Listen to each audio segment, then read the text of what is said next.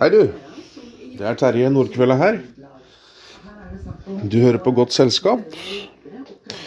Og jeg skal oppdatere deg litt på Hvis du hørte forrige uke Jeg vet ikke hvordan du hører. Om du følger rekkefølgen, trenger jo ikke det, da. Men jeg begynte å snakke om at jeg eh, utforsker en ny religion, så jeg har lyst til å dele litt om hvordan jeg opplever det. Og så har jeg lyst til å stille et uh, interessant spørsmål. Jeg vet ikke om jeg har noe godt svar, men målet mitt med å stille spørsmålet er at du reflekterer rundt det. Så kanskje du kommer opp med noe klokere svar enn det jeg har. Buddhisme har jeg begynt å forske litt på. Jeg var på samling nummer to i går. En hyggelig gjeng. Eh, det er ikke buddhistiske munker jeg møter, det er vanlige folk som du og jeg, holdt jeg på å si. Eh, som de, har, de har holdt på med dette lenge, da. Men jeg, desto mer jeg lærer om det, og så skjønner jeg jo at dette er egentlig ikke en religion. Buddha var ingen gud, ikke sant. Det var en mann som vokste langt. Han, Visstnok de første 30 årene av livet så var Buddha en litt sånn bortskjemt uh, kar fra en rik familie som ikke hadde verken sett eller følt uh, noe til utfordringer. Og så skjedde det noe da hvor han begynte å se hvordan folk hadde det, da, og ble veldig interessert i Kall det gjerne personlig utvikling. Der, der, hvis du skal gi buddhisme et ord, så er det personlig utvikling. Å utvikle seg selv. Og det, det, som, eh, det, som, er litt Som jeg kjente på i går, og er litt, nesten litt sånn skummelt også, er at uh, i buddhismen så er det jo ingen gud. Ikke sant? Med andre ord, det finnes ingen voksne.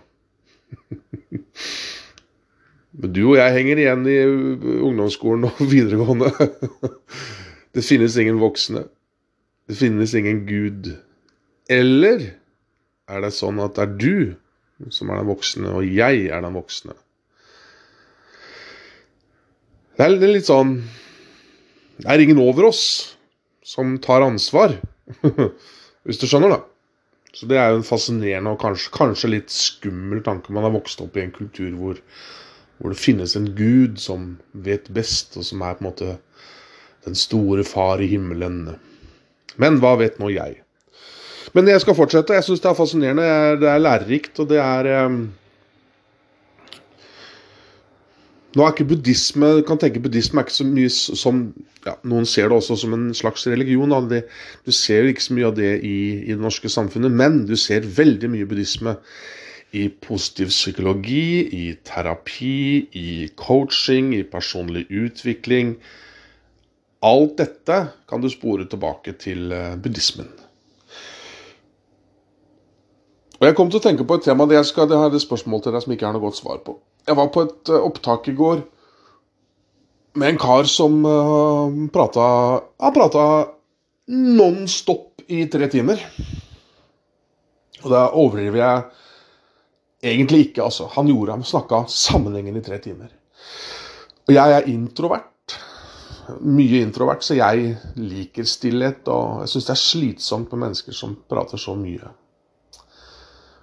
Han sa, men han sa det i starten, så sa han Du, jeg prater fælt, vet du. Du må, må, du bare si til meg at du må du filme, må du stoppe, og så må du Du må gi meg klare Han var veldig nøye klar, Gi meg klare instrukser på hvordan du vil ha det, sa han til meg, ikke sant? Og så pratet han i tre timer. Det var jo en uh, god idé. Han, han, var kanskje klar over uh, at han gjorde det, og sa klart ifra i forkant. Stopp meg, ikke sant? Gi meg beskjed. Det er veldig bra. Så kjente jeg på litt av det samme med den gjengen med buddhister i går. For jeg, hvis jeg blir veldig ivrig, så kan jeg ha en tendens til å dominere et rom og ta over styringa og regissere og prate og ta litt mye plass, da. Ikke sant?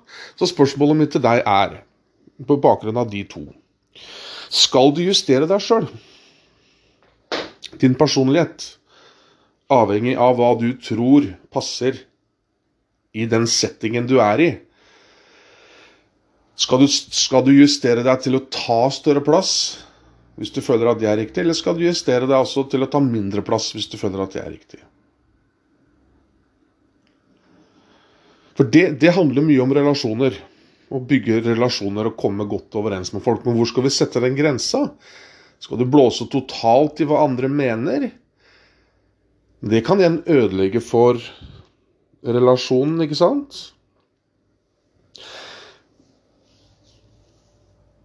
Hvis det er, hvis det er egoet ditt som sier at ja, nå må du tøffe deg, og nå må du vise at du er barsk og du er flink og får til ting Hvis det er det som er motoren, så bør du kanskje vurdere å ikke gjøre det. Å e følge egoet vårt er jo litt sånn Det er jo ikke deg, egentlig. Det er jo Egoet ditt er hvordan du ønsker at verden skal oppleve deg. Som den vellykka med flest Instagram-følgere, og den populære og den kjekke, pene, vakre, morsomme. ikke sant? Det er jo egoet ditt som vil gjerne at folk skal se deg på den måten. Så hvis du følger den linja, så er ikke det en god framtid.